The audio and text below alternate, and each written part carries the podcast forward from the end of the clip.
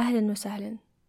ما أدري صراحة متى تخف رهبة البودكاست لأنه كل مرة بسجل فيها كل مرة نفس الهيبة كل مرة نفس التوتر ونفس الخوف.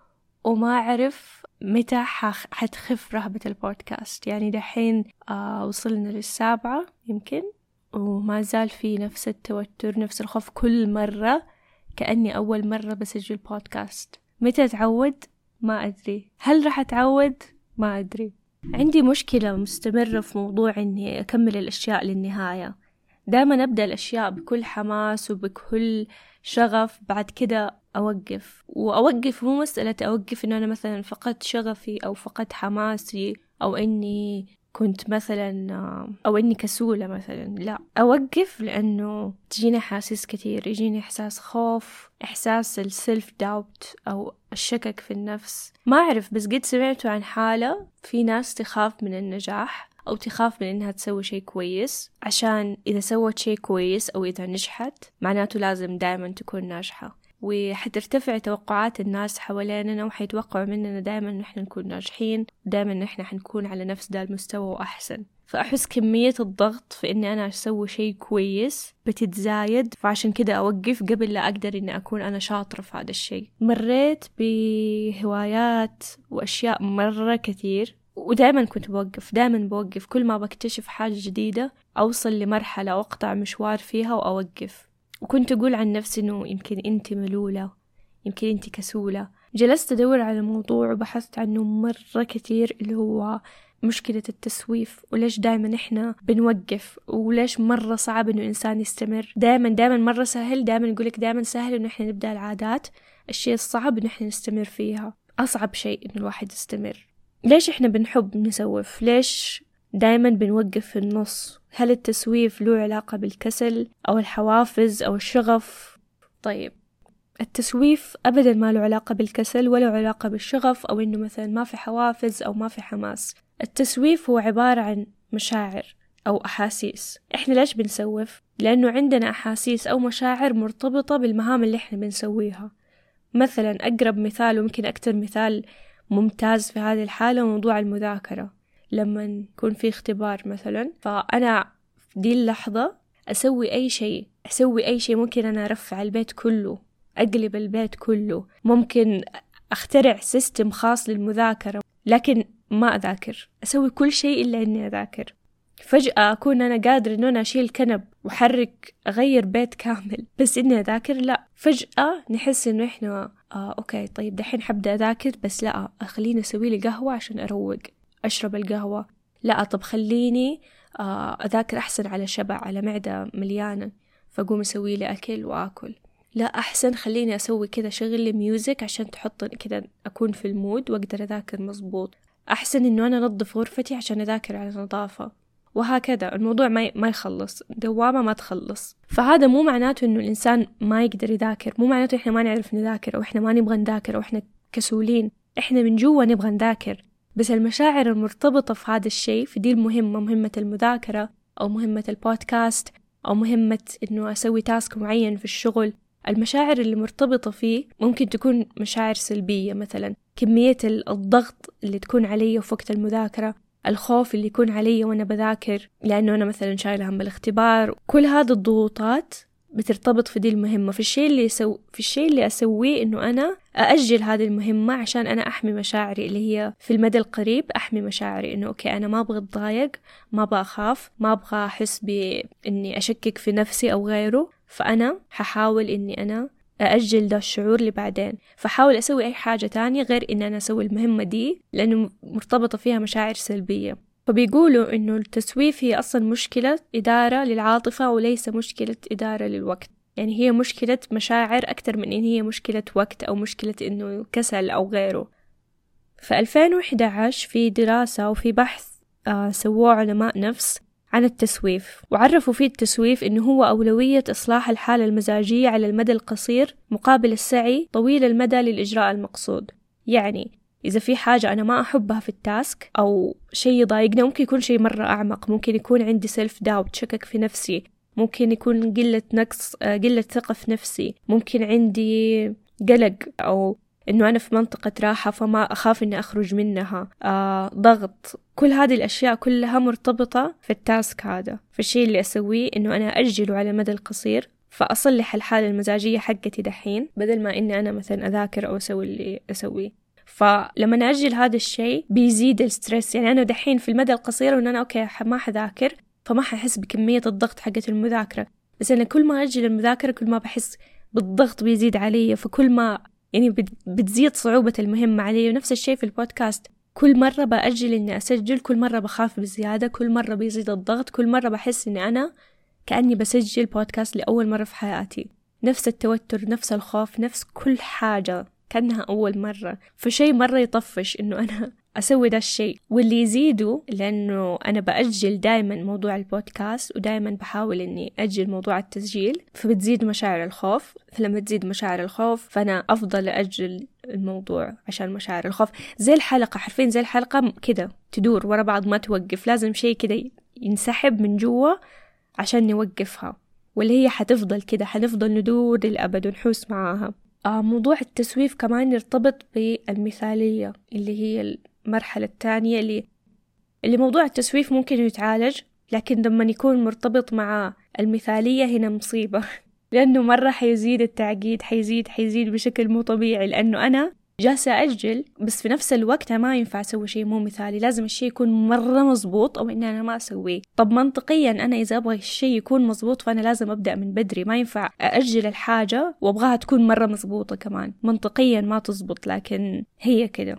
إيش نسوي؟ فكل ما أنا أجلت موضوع البودكاست كل مرة أنا بأنسى كيف أتكلم بأنسى كيف أسجل بأنسى كيف أسوي إيديتينج كل دي الأشياء بتتأخر وأنا في نفس الوقت أبغاها تكون مرة ممتازة. وأبغى التسجيل يكون مرة ممتاز الصوت يكون مرة واضح وأبغى التسجيل ينزل, ينزل في الوقت كل مرة كل أسبوع أبغاه ينزل في نفس الوقت. فزي ما قلت هي حلقة من الجحيم حرفيا من الجحيم لأنه الواحد ما يقدر يخرج منها إلا إذا كده ما أعرف أعطى نفسه كف وكده حاول يخرج نفسه من ذا الموضوع.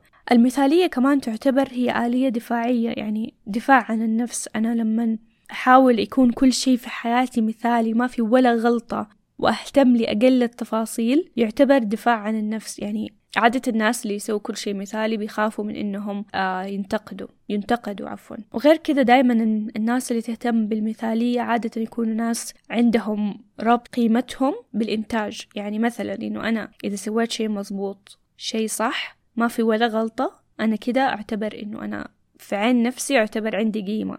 وإذا سويت شيء غلط إذا شيء ما كان مثالي إذا ما سلمته في الوقت المحدد فأنا هنا ما أشوف إنه عند نفسي قيمة.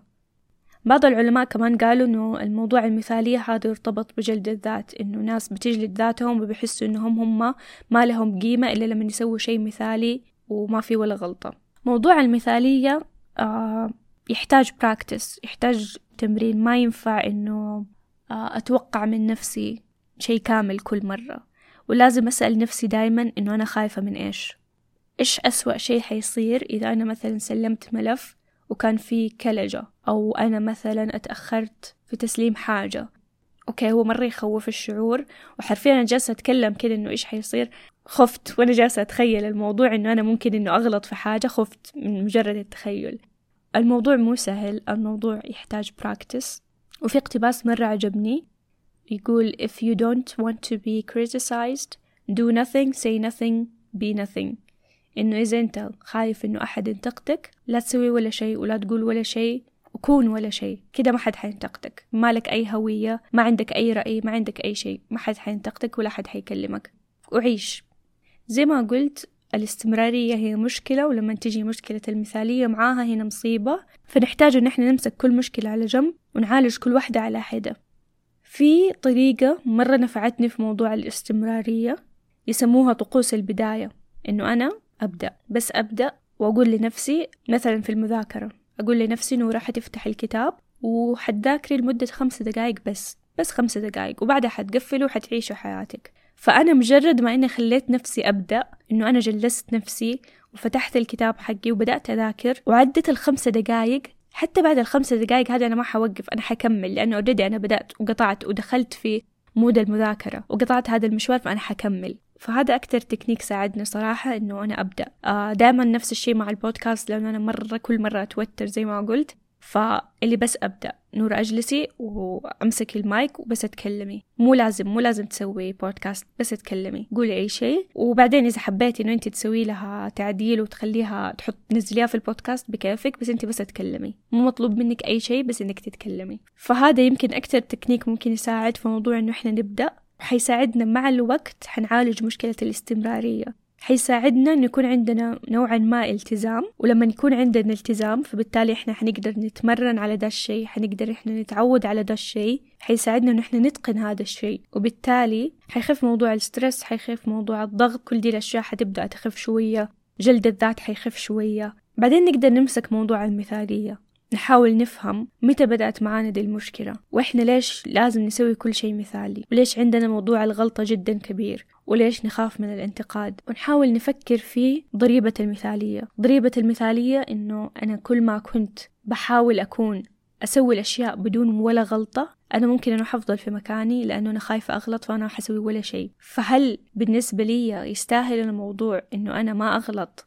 في حساب إنه أنا ما أسوي ولا شيء ولا أنا ما عندي مشكلة إنه أتقدم خطوة وخطوتين بس ممكن أرجع شوية على أساس إنه أنا غلط بس أنا بتقدم يعني في في في تحسن بس إيوه بغلط وفي تقدم. أنا بتقدم بقطع مشوار. في موضوع المثالية أكتر حاجة يرتبط مع النفس يحتاج جلسة مع النفس يحتاج الإنسان يفهم نفسه ليش هو بيفكر بهذه الطريقة ومن إيش هو خايف بالضبط. ممكن حتى مختص نفسي أو مستشار نفسي ممكن يساعدنا في ده الموضوع. إنه نفهم نفسنا نفهم ليش إحنا عندنا عقدة المثالية هذه لأنه بتمنعنا إنه إحنا نقطع مشوار وبتصعب علينا موضوع الاستمرارية اللي إحنا بنحاول فيه زي ما قلنا عن طريق تكنيكات معينة عشان تساعدنا إنه إحنا نستمر عشان يكون عندنا انضباط ذاتي. حاليا أنا زي ما قلت آه قلت لنفسي خلاص أجلسي وسجلي. وبس لا تسوي ولا شيء تاني. فبس جلست وجالسة أسجل. جهزت بس ما جهزت بشكل مية في المية لأنه حسيت كل ما جالسة أحاول إني أخلي نفسي مستعدة كل ما تأجل الموضوع وكأني بحط لنفسي عذر إنه أنا إنه أنا ما بسجل عشان أنا ما سويت enough researches. فحسيت إنه كأني أنا بحط عذر لنفسي وقلت خلاص يا نورة مو لازم تكملي مية في المية. خلينا نجلس ونتكلم حتى لو خمسين في المية. حتى لو بحثك خمسين في المية ما خلصتي it's okay just أجلسي وتكلمي وهذا الشيء اللي جالسة أسويه. وحاليا أنا مو حاسة إنه حيكون شيء مثالي ولكن ما في شيء مثالي في الحياة.